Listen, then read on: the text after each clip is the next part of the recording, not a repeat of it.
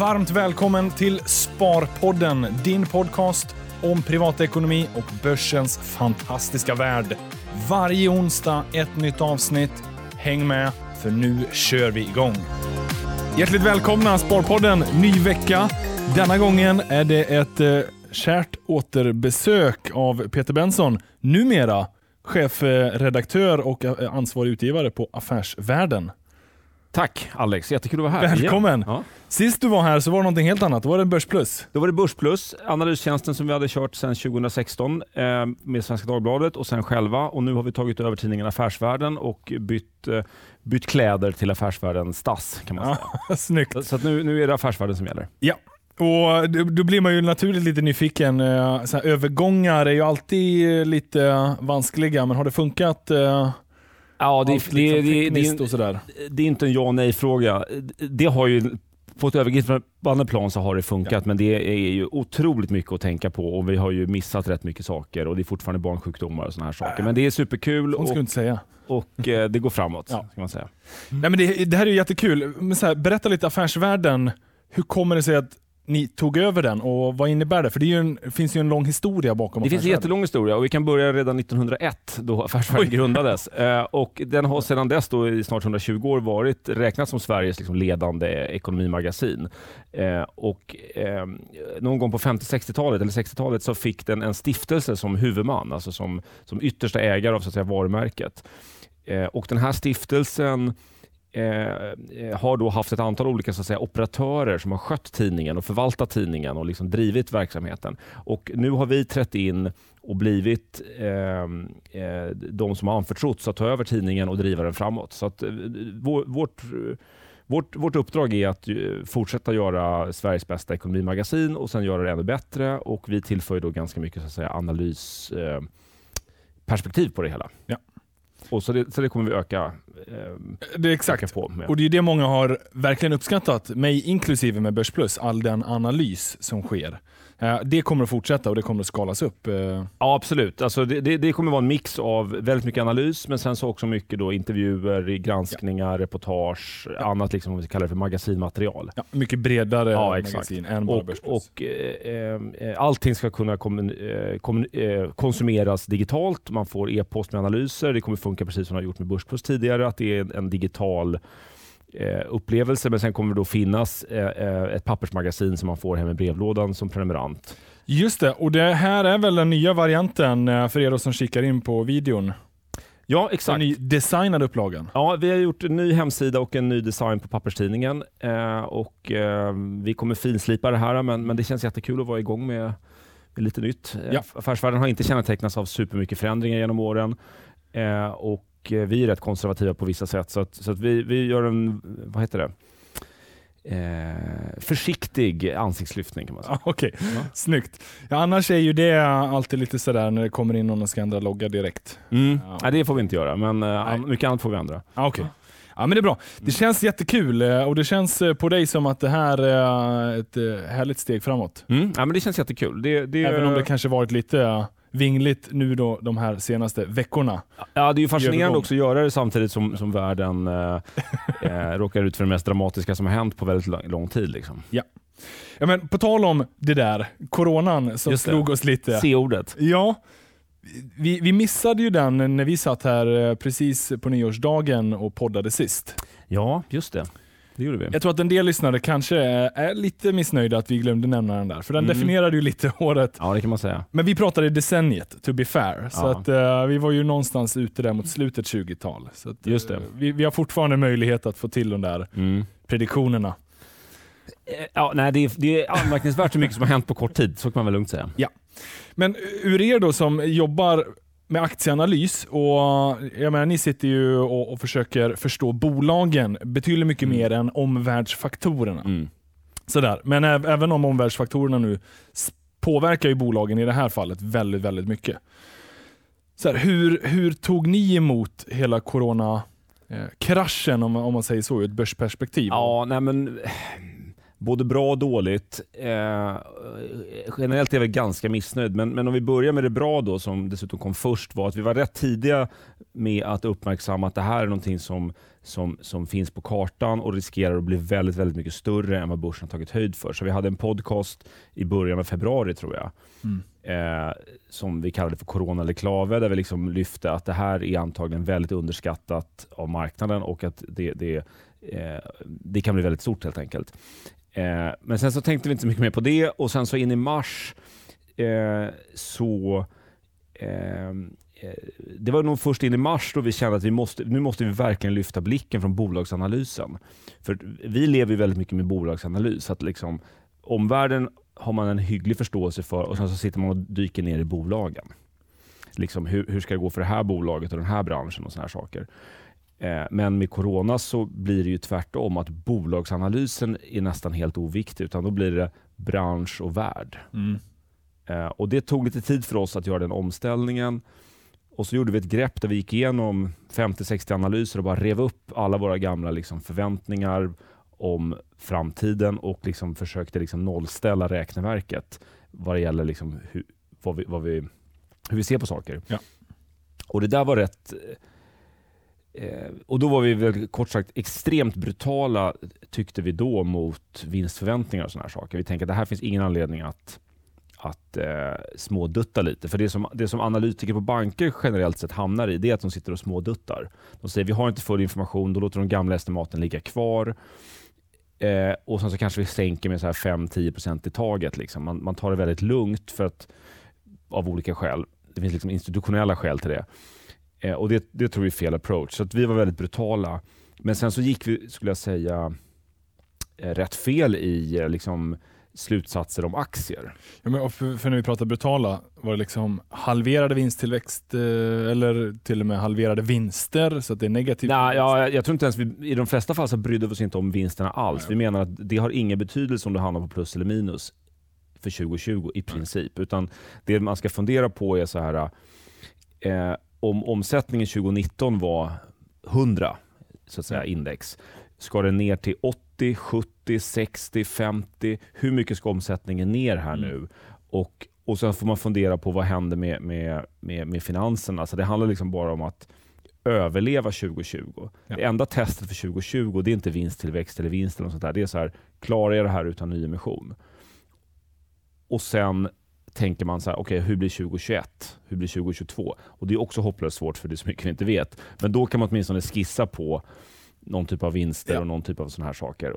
Så att, så att, uh... Men då, då var ni i ett ganska brutalt läge. Uh, för att allting var så uh, det var så nytt och man kunde inte förstå vad det här skulle leda till. Men skulle ni säga att ni är fortfarande i det ganska brutala omsättningsantagandet? Att för det är ändå så här, nu om man kollar några månader in i coronakraschen, så är det ju en hel del bolag som har kunnat behålla eller till och med öka omsättningen. Några har tappat den jättemycket mm. givetvis. Mm. Men nu har det blivit väldigt slagiga utfall vi, vi, vi, ser det fortfarande som att man ska vara jättebrutal i förväntningarna på bolagen. För att det, det finns ingen anledning att vara det. Menar, nu har vi sett Q1-siffror och i många fall så är det kanske bara de sista två, tre veckorna på Q1 som har varit färgade av coronan. Och I många verksamheter så är det så att man har en orderbok och en ledtid. Så att, så att om, om, om beställningarna går ner på noll i mars så kanske du ändå har en bra marsmånad för att under mars så levererar du det som kom in i februari eller januari eller vad som helst. Mm. Så att vi, Q1-siffrorna känns inte speciellt viktiga heller egentligen om vi har generellt sett. Sen är det väldigt olika från bolag till bolag. Utan det som kommer bli testet blir Q2-siffrorna. Eh, och då kan vi se nästan vad som helst kan jag känna. Ja. Uh, uh, men vad som helst, de som har nu klarat sig ganska väl, finns det inte anledning att tro att de kommer att fortsätta klara sig väl? Ja, men du pratar aktier eller pratar bolag nu? Uh, bolag, bolag, skulle jag säga. Alltså bolagen, säg Eh, Ica, Axfood ja, ja, ja, eller liknande. Nej, men, nej, men visst. Nej, men, uh, och där de som har slagits hårdast, hotell, flyg, Ja, de, de, man flyger ja. fortfarande inte. Ja, nej, men absolut. Där kommer det vara ganska... Absolut. Nej, men det, det, den här branschvisa analysen är ju ingen raketforskning egentligen i de nej. flesta fall. I de flesta fall är det väldigt straightforward. Jag menar, hotell, hopplöst, flyg, fruktansvärt, eh, toapapper, jättebra. Alltså, I de flesta fall är det ganska enkelt. Sen, är, sen blir det den här, liksom, aha, hur mycket inprisat? Hur lång var den här effekten? Vad händer sen? Mm. Eh, och den är ju hyperintressant. Jag menar, ska vi varaktigt resa mindre så har det jättestora konsekvenser. Men vi kanske inte varaktigt kommer bunka toapapper och så vidare. Alltså, den frågeställningen är ju superintressant. Eh, sen, sen med, med bolagsanalysen så ser inte jag så stor risk med att vara väldigt negativ om hur det kommer gå 2020. Och vi är även eh, rätt negativa till 2021 och 2022. Alltså det, blir, det blir inte någon sån här superåterhämtning att vi är tillbaks på 2019 års nivå förrän kanske 2022, 2023 i bästa fall. Så det är, liksom, det är, det är en rejäl lågkonjunktur vi pratar om. Och då, då pratar vi eh, bolagsnivå fast aggregerat upp på sig hela svenska Ja, vi pratar, ja, precis, ja, exakt. exakt, exakt. Så, och, och, men sen så har vi då aktierna som är den här ännu svårare nivån. Ja. Vad ska hända med aktierna? Och, och, och, och där, tog det, där tog det oss på sängen hur snabb återhämtningen blev. Ja. Så, den här uppstudsen ja. som vi fortfarande befinner oss ja, i. Att Nasdaq är på plus eh, i år är ju liksom bara helt enormt. Ja. Eh, och att eh, väldigt stora kategorier av index är ju nära noll. Liksom. Mm. Bara ner marginellt. Ja. 10 procent är ju svenska börsen ungefär nu ner och det är ju ja. inte det är ju inget krisår. Det har ju funnits många sådana år tidigare. Ja, nej, men det, det skulle det kunna vara. Det, ju, mm. det kan det ju vara på precis vad som helst. Någon, ja någon, någon centralbankschef som harklar sig eller någon idé om någon liten, liten svacka i Kina. Då kan ju börsen gå ner 10-15 procent. Så det är ju ingenting om vi jämför med magnituden av eh, dramatiken som vi ser liksom i, i omvärlden. Men, men så att, eh, eh vår farhåga eller förhoppning, beroende på hur man ser det, är väl att centralbankerna öser på så pass mycket pengar på det här och, och, och att de pengarna i stor utsträckning liksom tar vägen in på tillgångsmarknaden så man kan få pressade vinster men som får väldigt höga multiplar. Ja. Och då kan börskurserna då kan de vara lite vad som helst. De kan vara lite ner eller lite upp eller mycket upp. Eller... Ja, men för det känns som att det är det absolut tydligaste eh, anledningen mm. till varför börsen har studsat tillbaka så mycket. Det är de enorma stimulanserna. Och eh, den, det absolut enklaste sättet att ta del av det är ju att äga finansiella tillgångar. Ja. Alla de mm. triljoner dollar som mm. har tryckts ut. Mm. Och Jag tror att det finns många saker som samverkar här. Jag tror det finns en, en mycket större oro för inflation eh, hos jättemånga mm, investerare och sparare som man inte riktigt vet vad man ska göra av. För, men men då, då, då är det lätt hänt att man köper aktier. Mm. För att alla köper inte guld för alla pengar. Det är inte så, det är inte så folk funkar. Eh, eh, och, och, Då är det ändå så att, att eh, aktier är någon typ av långsiktig inflationshedge. Ändå. Och Sen så finns det många andra effekter. Till exempel bara här att det finns pengar i systemet. Ehm, eh, och Tänker man igenom lite olika scenarier så är det ganska många scenarier där, där, där aktiemarknaden inte är det sämsta stället att vara på. För att skulle det bli Ja, men skulle det bli goda tider igen, ja toppen. Skulle det bli jättedåliga tider, ja då kommer det kanske vara ännu jobbigare att vara i obligationer eventuellt om man tänker sig till exempel i Europa kan du ju ha... Ehm, ja, just det. Alla eh, skulderna. Ja, alltså eh, en, en eurokris 2.0 mm. till exempel. Men okej, okay, bolagen då, ur, ur ert perspektiv, det kommer att ta två, tre år innan vi är tillbaka. Det är ju vad man kallar för någon form av L återhämtning. Ja, ja, kanske Långsam, eh, lite lätt uppåtlutande ja. L. Ja. Uh, inte den här V som alla hoppas på och mm. önskar, som också sett ur ett börskursperspektiv mm. ser ut som att vi får. Ja. Men, men vad ska hända med aktierna då om nu inte Nej, men vinsterna ska komma tillbaka? Det... Ja, fast det skulle kunna bli börs, börsen skulle kunna vara ett V om du på de här lägre vinsterna har en hyggligt hög multipel. Ja. Så att om vinsterna är ner, säg att vinsterna om två år fortfarande är ner 10-20% och sen har du eh, 10-20% högre multipel ja, då, är ju, då är ju börsen inte så dålig ändå. Liksom. Och bara ser man än så länge så ser det ut som att, börsen tar den vägen. Bara sett till P talsmässigt mm. vad analytikerna tror framåt så är vi uppe på i princip samma värdering som vi var i februari. Mm. Eh, börsen handlas väl kring P 15, 16 ja, Just det, just det. Och det, det, det, det, kan bli ännu högre värdering. Exakt, det är ju inte sådär galet dyrt. Men, eh, men det är ändå samma värdering som vi var i tidigare innan kraschen. Och Det har ju mycket att göra med att eh, vinsterna har gått mm. ner, eller åtminstone estimaten för mm. vinsterna framåt. Men då, då, var ju Fed, då var ju Fed till exempel i ett läge att man, ja. man, man, om något pratade om att eh, få upp räntan. Mm. Och, och, nu börjar det pratas om att det kanske ska ha minusränta i USA också. Uh, och, det har ju verkligen bara den här senaste veckan spekulerats ganska flitigt om det där. Ja. Och, och då, då ställs alla sådana här värderingsfrågor på sin spets. Eh, man går in i någon slags liksom hallucinogent tillstånd, hur säger man det? Hallucinatoriskt tillstånd. Liksom. För att nära noll i ränta, eller låg ränta, låg avkastningskrav, då blir det liksom eh, eh, då kan tillgångar som uppfattas som säkra kassaflöden, de kan vara värda nästan hur mycket som helst. Liksom. Ja. Och har du, till, har du lite tillväxt i den här miljön, då kan du också vara värd nästan lite, lite, lite grann hur mycket som helst. Och Det är det vi ser kanske med teknikaktier till exempel. Ja, för det är de som har gynnats av det här. Mm. De som redan var på en digital, digital bana och har nu fått eh, visa eh, framgången och visa att de kan behålla omsättningar mm. och behålla mm. verksamheterna rullande ganska väl. Men det är ju i många fall de bolagen som inte heller visar särskilt mycket vinst på sista mm. raden. Nej, men man tror ju att de bygger någonting för framtiden om det är ett Amazon eller ja. alla de här bolagen. Men vad köper spararna hos Nordnet då? Är det den typen av... Ja, det är den. Och sen defensiva aktier. Ja. Ganska mycket. Men det, det, är också intressant. Det är rätt många som eh, fiskar i de här absolut utslagna sektorerna. Mm. Eh, ta ett Pandox till exempel. Ja. Hotellfastigheter. Mm. En av de mest köpta fastighetsbolagen. Mm. Intressant. Och det är, jag tänker att många tänker kanske, aktien är ju klart pressad. Mm. Men det finns ju ändå något form av realt värde i mm. fastighetsbeståndet. Mm. Så i värsta tänkbara scenario mm. så kanske det ändå går om man likviderar det. Mm. finns tillgångar kvar. Men om de inte behöver likvideras, uppsida, mm. som kanske kan vara ganska trevlig. Mm. Men det är ju förutsätter ju att vi går tillbaka till något form av normalare läge vad gäller hotellvistelser, konferenser och liknande. Ja. Uh... Det finns ju ändå den här det är, det är många som har behövt ställa in konferenser givetvis under våren. Men det är också en hel del som har skjutit på dem mm. till hösten. Mm. Så att det ligger nog rätt mycket i pipen så att säga mm. för hösten. Mm. Ja, men det, det blir klart att det blir en stor proppen ur effekt och det är klart att när, när, eh, när restriktioner lättar så kommer det bli en enorm efterfrågeboost. Men det är inte samma sak som att man, man, kom, man klättrar hela vägen tillbaka till där vi var. Utan nu, nu har vi halkat ut för ett gigantiskt stup och får vi en jätteboost så kanske vi ändå bara är, är halvvägs upp för det där stupet. Ja. Um, så, så, det, så det här, de här, den bokstaven L tror jag inte är en så jättebra beskrivning kanske. Det kommer bli ett, ett ryck uppåt såklart. Men frågan är om, om, om Ja, nu fastnar de här jäkla bokstäverna. Frågan är om vi inte ändå ska ha en ordentlig lågkonjunktur.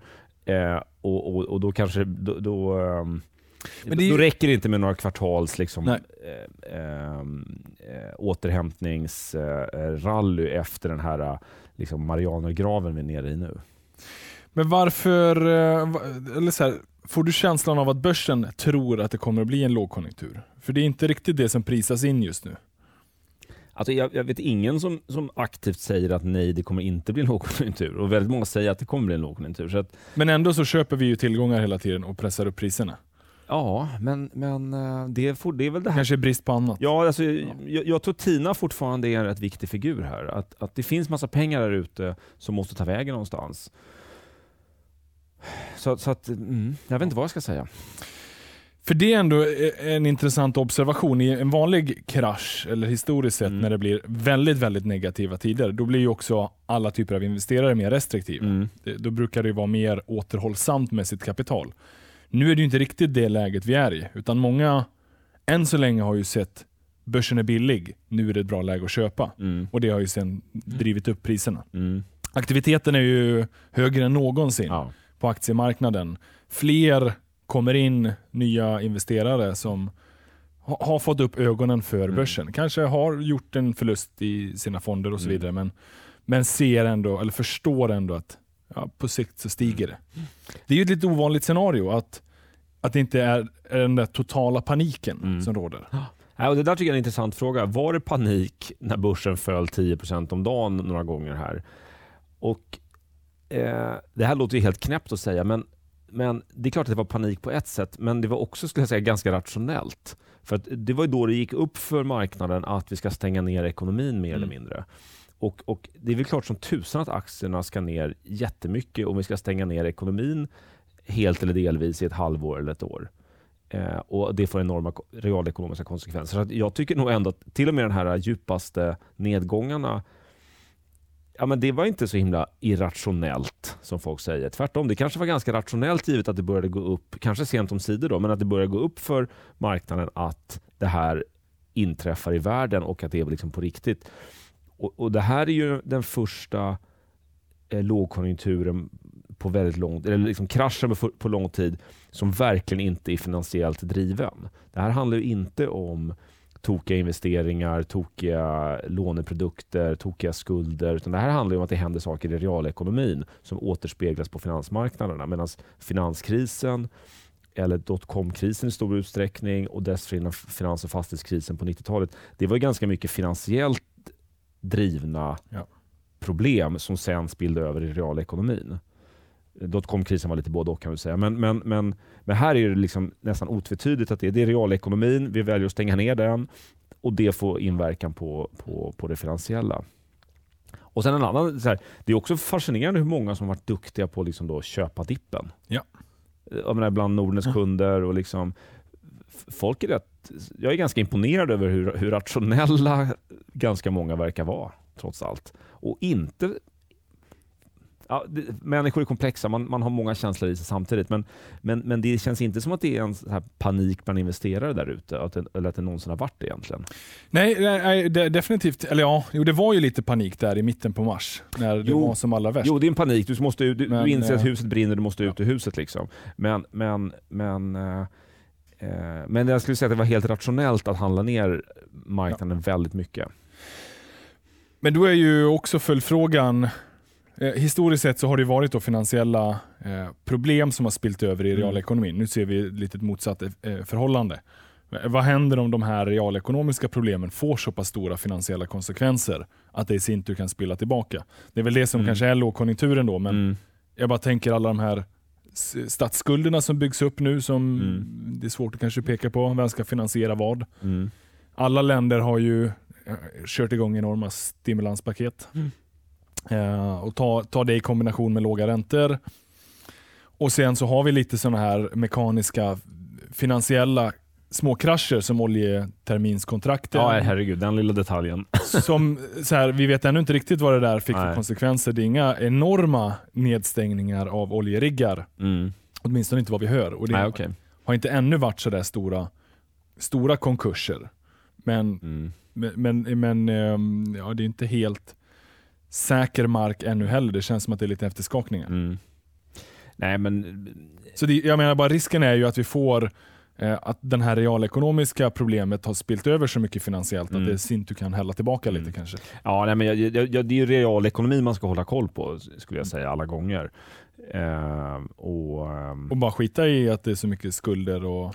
Nej, men, men, men, men realekonomin är ändå viktigare. Det är ja. liksom men det, det, det, är min, det är min uppfattning och det är nästan en så här filosofisk ideologisk uppfattning att, att, att, att eh, vi har väldigt mycket fokus på det finansiella jag tror att vi ofta har för mycket fokus på det finansiella och för lite fokus på, på, på, på, på, det, på den reala ekonomin. Och nästan allting som, nästan alla stora saker kan du liksom härleda tillbaks till, till det reala någonstans. Eh, och ehm, det betyder inte att inte det finansiella spelar roll och att, det är klart att skulder spelar roll men, men, eh, eh, men jag tror inte att, liksom att lösningen finns i det finansiella. För det här är ett realekonomiskt problem och det, det måste lösas till det realekonomiska.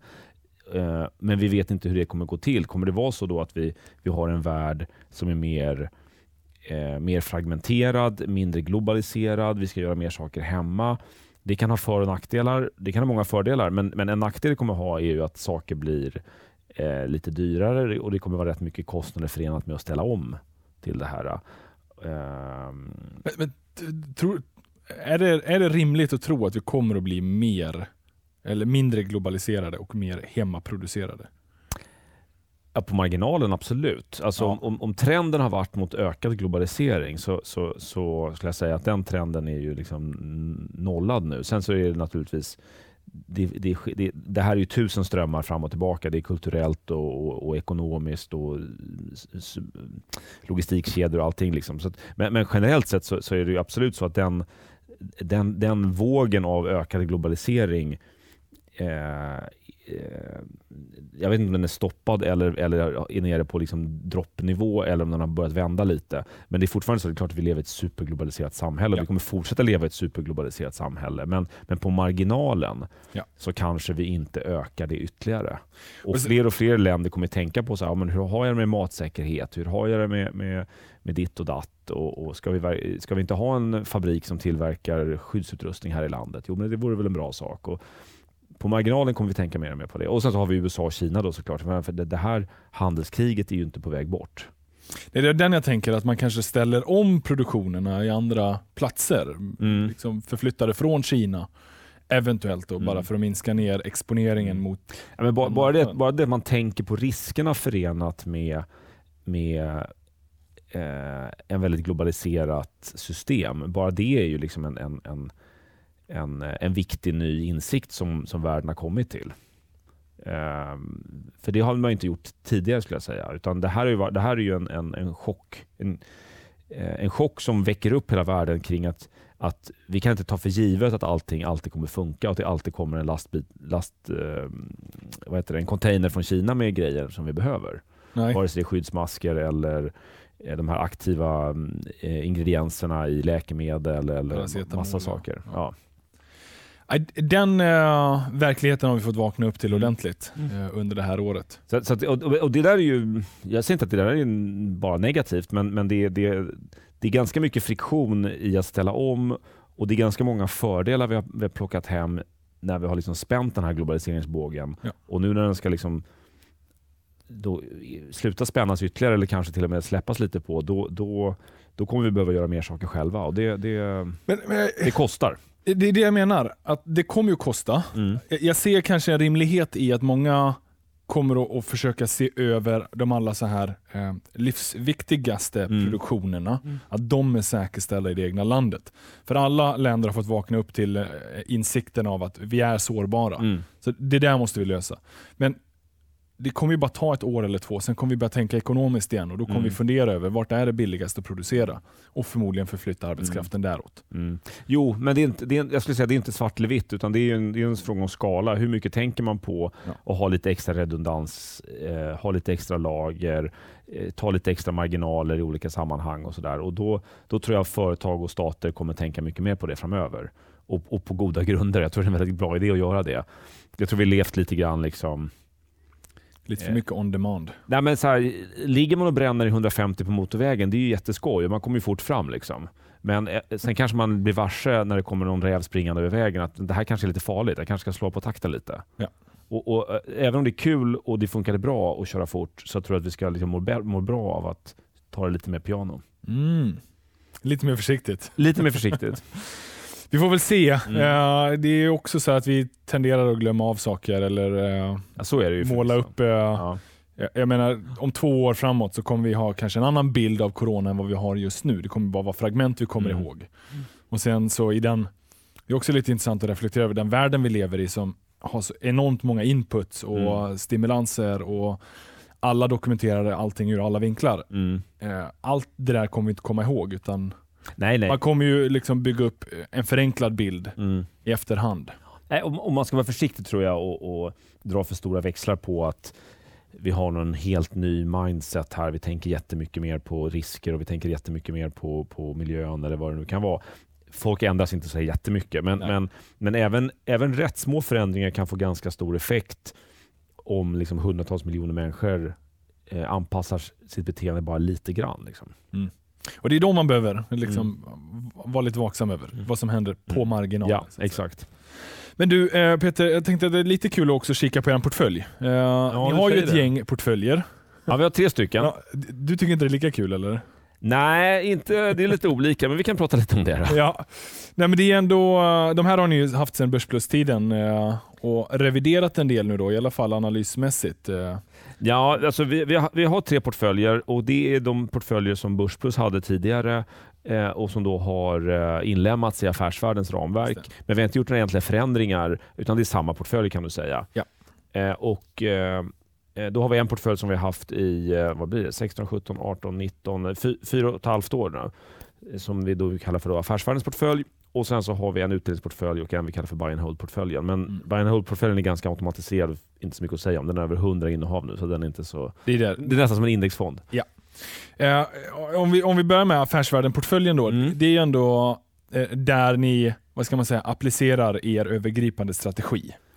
Ja, det är vår tanke är att Ja. våra bästa idéer vid varje tillfälle vill vi samla där. Liksom. Och just nu är ju den en fjärdedel kassa. Ja, exakt. Så att, så att den... Eh, eh, jag, jag kan väl vara helt ärlig och säga att vi är, vi är ganska missnöjda. Vi är väldigt missnöjda med hur året har varit för oss. För att vi, vi, har haft en, vi gick in i det här med stor kassa eh, och vi har, klar, vi har gått ganska exakt som index. Vissa dagar är det lite upp och vissa dagar är det lite mindre. Men vi har gått ungefär som index och det är ju väldigt dåligt när vi då har haft så pass stor kassa. Eh, eh,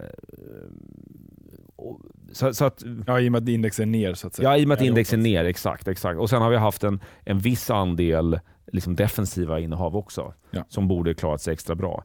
Men, men, men eh, en intressant spaning av det här är ju att den här krisen har ju inte alls varit som... Eh, den har ju straffat den, den har ju straffat det som i många fall i varje fall, så har den ju straffat det som man tidigare har trott har varit någorlunda defensivt. Den har straffat låga värderingar, straffats med ännu lägre värderingar till Mm. exempel.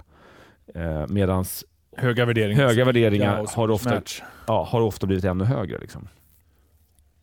Eh, Men det är ju värderingsperspektivet. Det är ju, det är ju defensiva bolag i grunden, även om de var kanske högt prissatta även i, ingången av året. ja, men så kan man säga, absolut.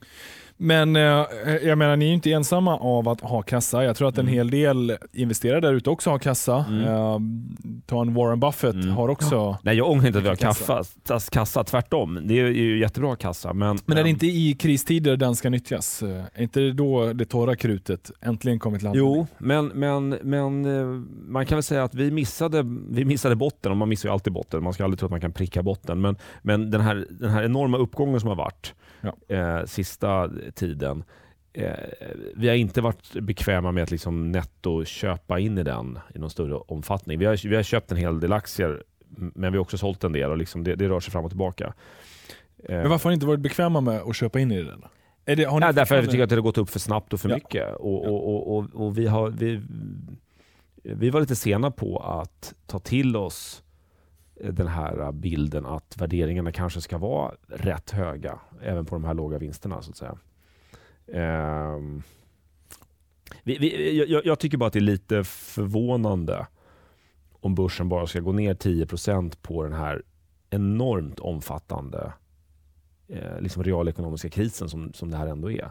Och Det här är bara början. Vi kommer att ha flera år av lågkonjunktur. Det är, liksom, det är oomtvistat. Sen så om det, om det är en depression, eller en recession, eller lågkonjunktur eller liksom någonting sånt där, det kan man di- diskutera. Men det kommer vara dåliga tider. Liksom. Mm. Eh, och, och vi, vi ser inte någon liksom lätt lösning på det.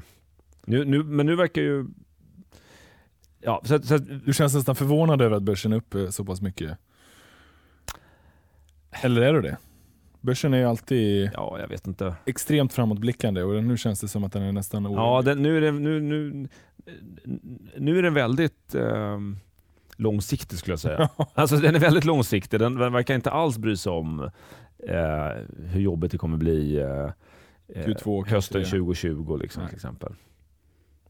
Eh, Men, men, eh, men det här är, det här är ju ett superintressant liksom, test av hela samhället. Kan vi stänga ner några månader och sen bara gå tillbaka och, och fortsätta som tidigare? Ja, du menar att det kanske är till och med i höst sen när vi börjar gå tillbaka, när kanske stater med mera minskar de stimulanser genom permitteringar och Mm. liknande. Att det då kanske det sanna ansiktet dyker upp. Ja, alltså, att, att, att det går ner dramatiskt när man stänger ner är ju ganska självklart. Och att det kommer gå upp jättemycket sen när man öppnar upp är ganska självklart. Men frågan är liksom hur mycket kommer det gå upp? Mm. Eh, kommer du ta tillbaka alla anställda? Kommer du börja anställa igen? Eller kommer, liksom, I USA har du, har du 40 miljoner arbetslösa. Det kanske är så att 10 miljoner av de där blir inte tillbakaplockade. Liksom. Ja.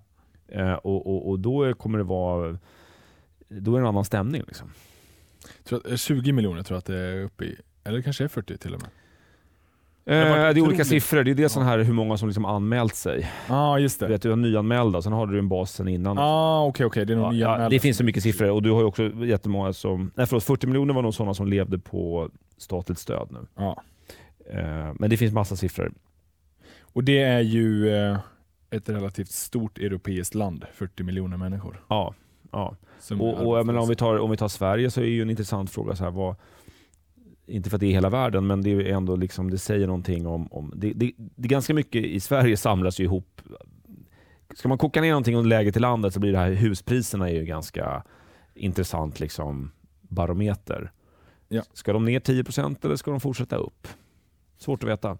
Men, men, Än så eh, länge känns det ju som att det har stått lite still, lite lättfallande. Ja, och folk är lite oroliga. Och sådär. Så det, det här med, man pratar om animal spirits, alltså framtidsförväntningar och bara liksom Mm. känslan i kroppen. Vill jag ta risker? Vågar jag tro på framtiden?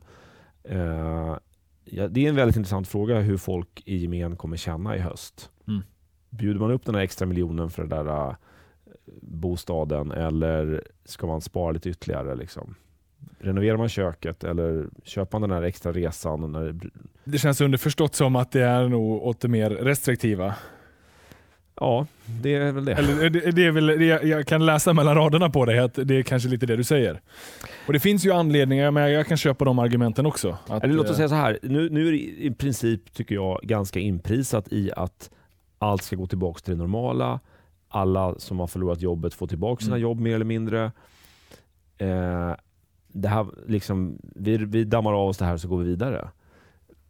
Och Det kan ju vara så, men då är börsen redan värderad ungefär så.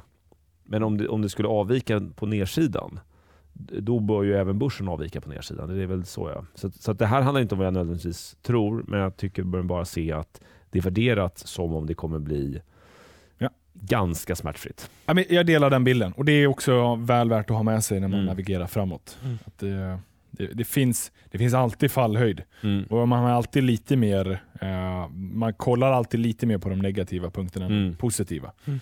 Men eh, det, det finns nog kanske en anledning att tro att vi kommer att ha den där Mm. långvariga lågkonjunkturen. Ja.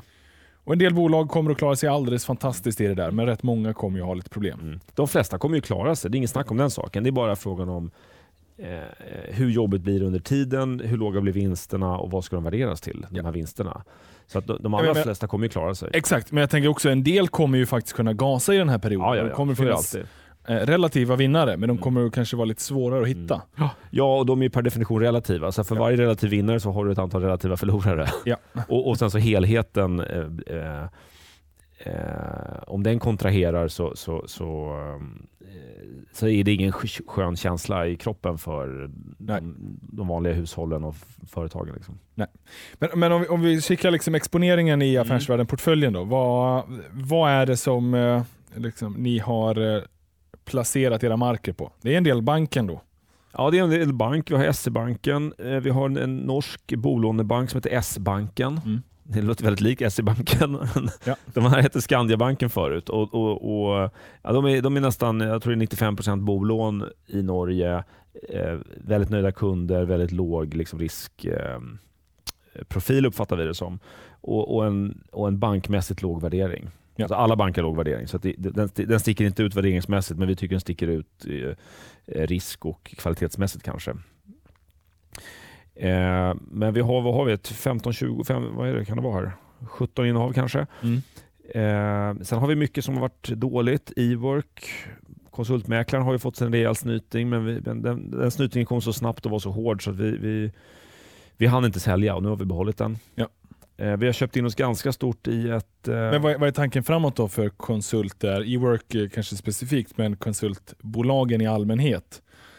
De, det är ju det är där många företag har behövt dra ner. Ja, ja men otvetydigt. Det är klart att det är så. Eh, eh, eh, samtidigt är det så här att jag menar, det finns jättemånga starka skäl till att, att kvalificerade IT-konsulter som det här huvudsakligen handlar om, de, de det är liksom inte som eh, Eh, köpa apelsiner på ICA, att du liksom, det, det är hur lätt som helst. Utan de flesta företag de kanske inte kan ha en sån här anställd utan de har något projekt och så, så vill de, och då, då, då, köper man in det som en konsult. Och liksom, det finns en latent efterfrågan och brist i samhället när det kommer till eh, IT-konsulter och kvalificerade IT-konsulter särskilt. Så att, så att, och, och, om vi tittar på återigen det här Nasdaq är på plus och techbolag går bra. Så liksom, det är inte så att vi kommer sluta investera i IT-utveckling. Uh, och nu, nu, nu, nu har de det tufft på grund av de här permitteringsreglerna, men, men det kommer ju någon gång släppa. Liksom. Ja. Uh, och sen så, men det är låg värdering. Uh, när de tar upp utdelningen igen så kommer det vara en hög direktavkastning. Och, och ja.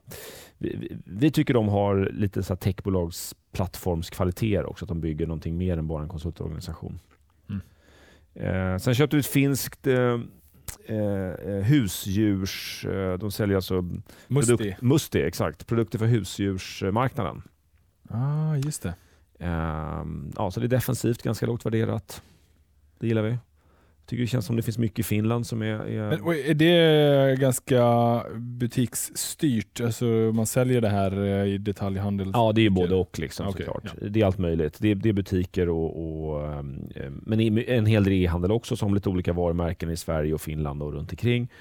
Eh, men det man har sett är att den här coronakrisen har blivit en superboom för husdjursägande. Mm. Eh, så att många sådana här hundgårdar och kennel, kennlar och, och, och det är slut på katter så att säga och hundar.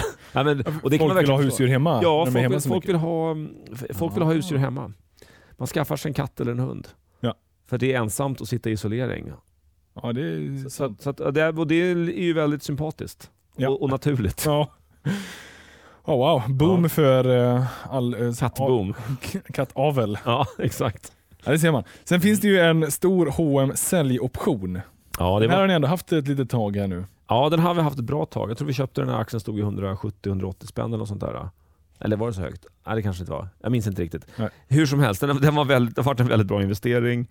Eh, eh, den var ett tag nästan vårt största innehav faktiskt. Ja. Eh, och eh, Den sträcker sig fram till juni, så att vi, vi, vi har inte gett upp hoppet onda som vi är om en sista snyting för H&M. Men, men det är ju ändå intressant. H&M redovisade ju försäljningssiffrorna här ganska mm. nyligen. Mm. Det är ju enorma tapp. Mm.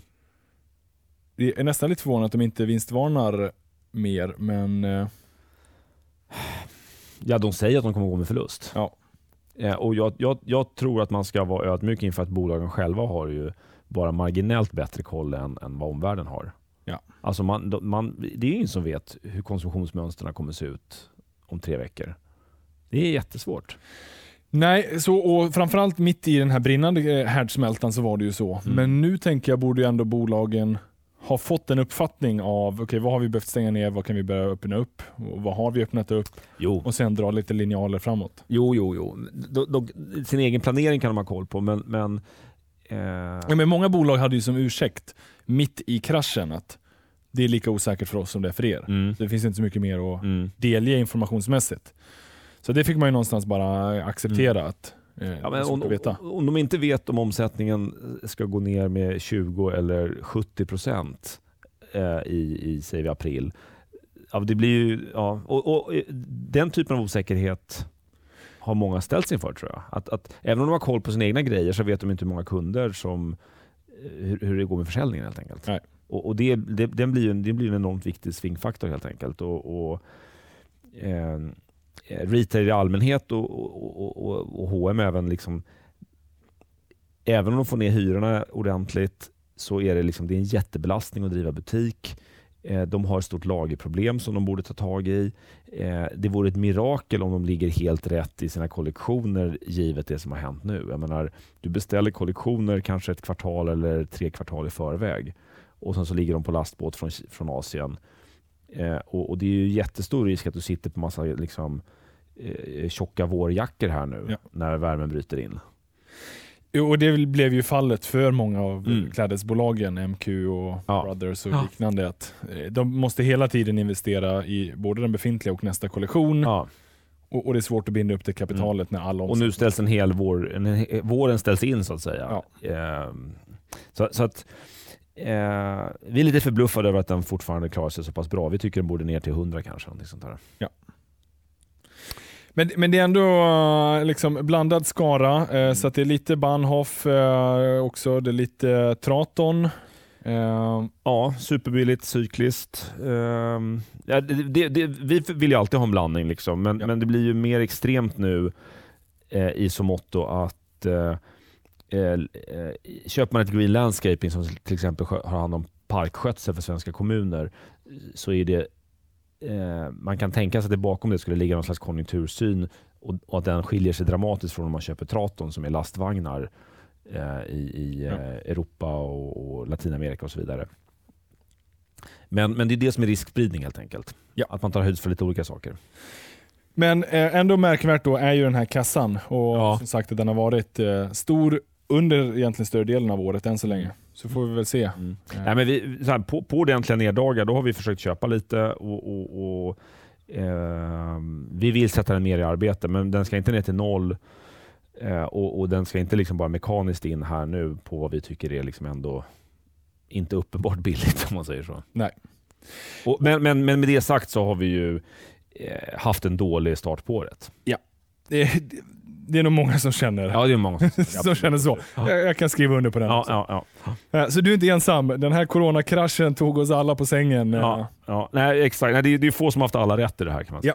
Så vi får väl se nästa gång vi poddar igen om vi har en blommande högkonjunktur då. eh, Så det är Ja, precis tvärt exakt. emot vad vi säger igen. Exakt. Det väldigt Eh, spännande. Det blir alltid spännande, men det är också det som är härligt med börsen. Ja, det är det, är det verkligen. Det är, och för det, det är superintressant. Och, och Ja. Det är den här stora frågan. Vad, vad, och där tycker jag börsen är lite kul faktiskt. för att Innan politiker och allmänhet och sådär fattade vad som höll på att hända så såg man liksom, man såg, drama, man såg dramatiken i sin fulla vidd på aktiemarknaden. Ja. Långt innan det hade sjunkit in innanför pannbenet på de flesta av oss. Ja, verkligen. Och Det är ganska häftigt. Sen kan jag tycka att börsen kanske borde varit ett par veckor snabbare med det här, men, men ändå. liksom. Sportlovsveckan blev ju ganska Ja. tydlig.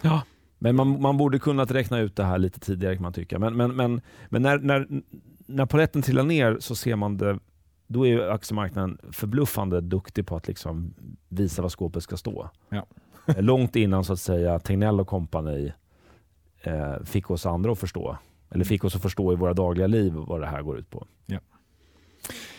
Lärdomar från börsen. Mm. Peter, eh, stort tack för att du kunde vara med och gästa veckans Sparpodden. Tack Alexander, jättetrevligt som vanligt. Portföljerna hittar man ju givetvis då på affärsvärlden.se. Jajamän. Men man måste vara prenumerant för att ta del av, eh, av dem, med undantag för buy and hold-portföljen som även finns på Shareville.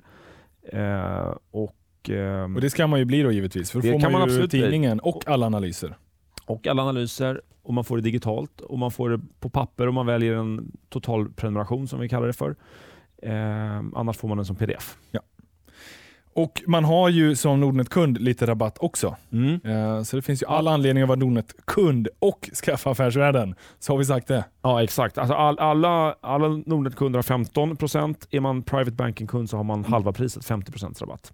Riktigt bra spartips. Ja, det är det faktiskt. Peter, eh, jag ska inte hålla dig mer så du kan eh, springa iväg och göra lite mer analyser och sy ihop eh, Affärsvärlden, nya Affärsvärlden. Stort tack än en gång. Stort tack! Och tack till Filip också. Ja, en shoutout till Filip, Ta bort alla dumheter vi har sagt här idag. våran eh, klippare. Ni vet att vi som vanligt hörs igen nästa onsdag. Ciao! Hej då!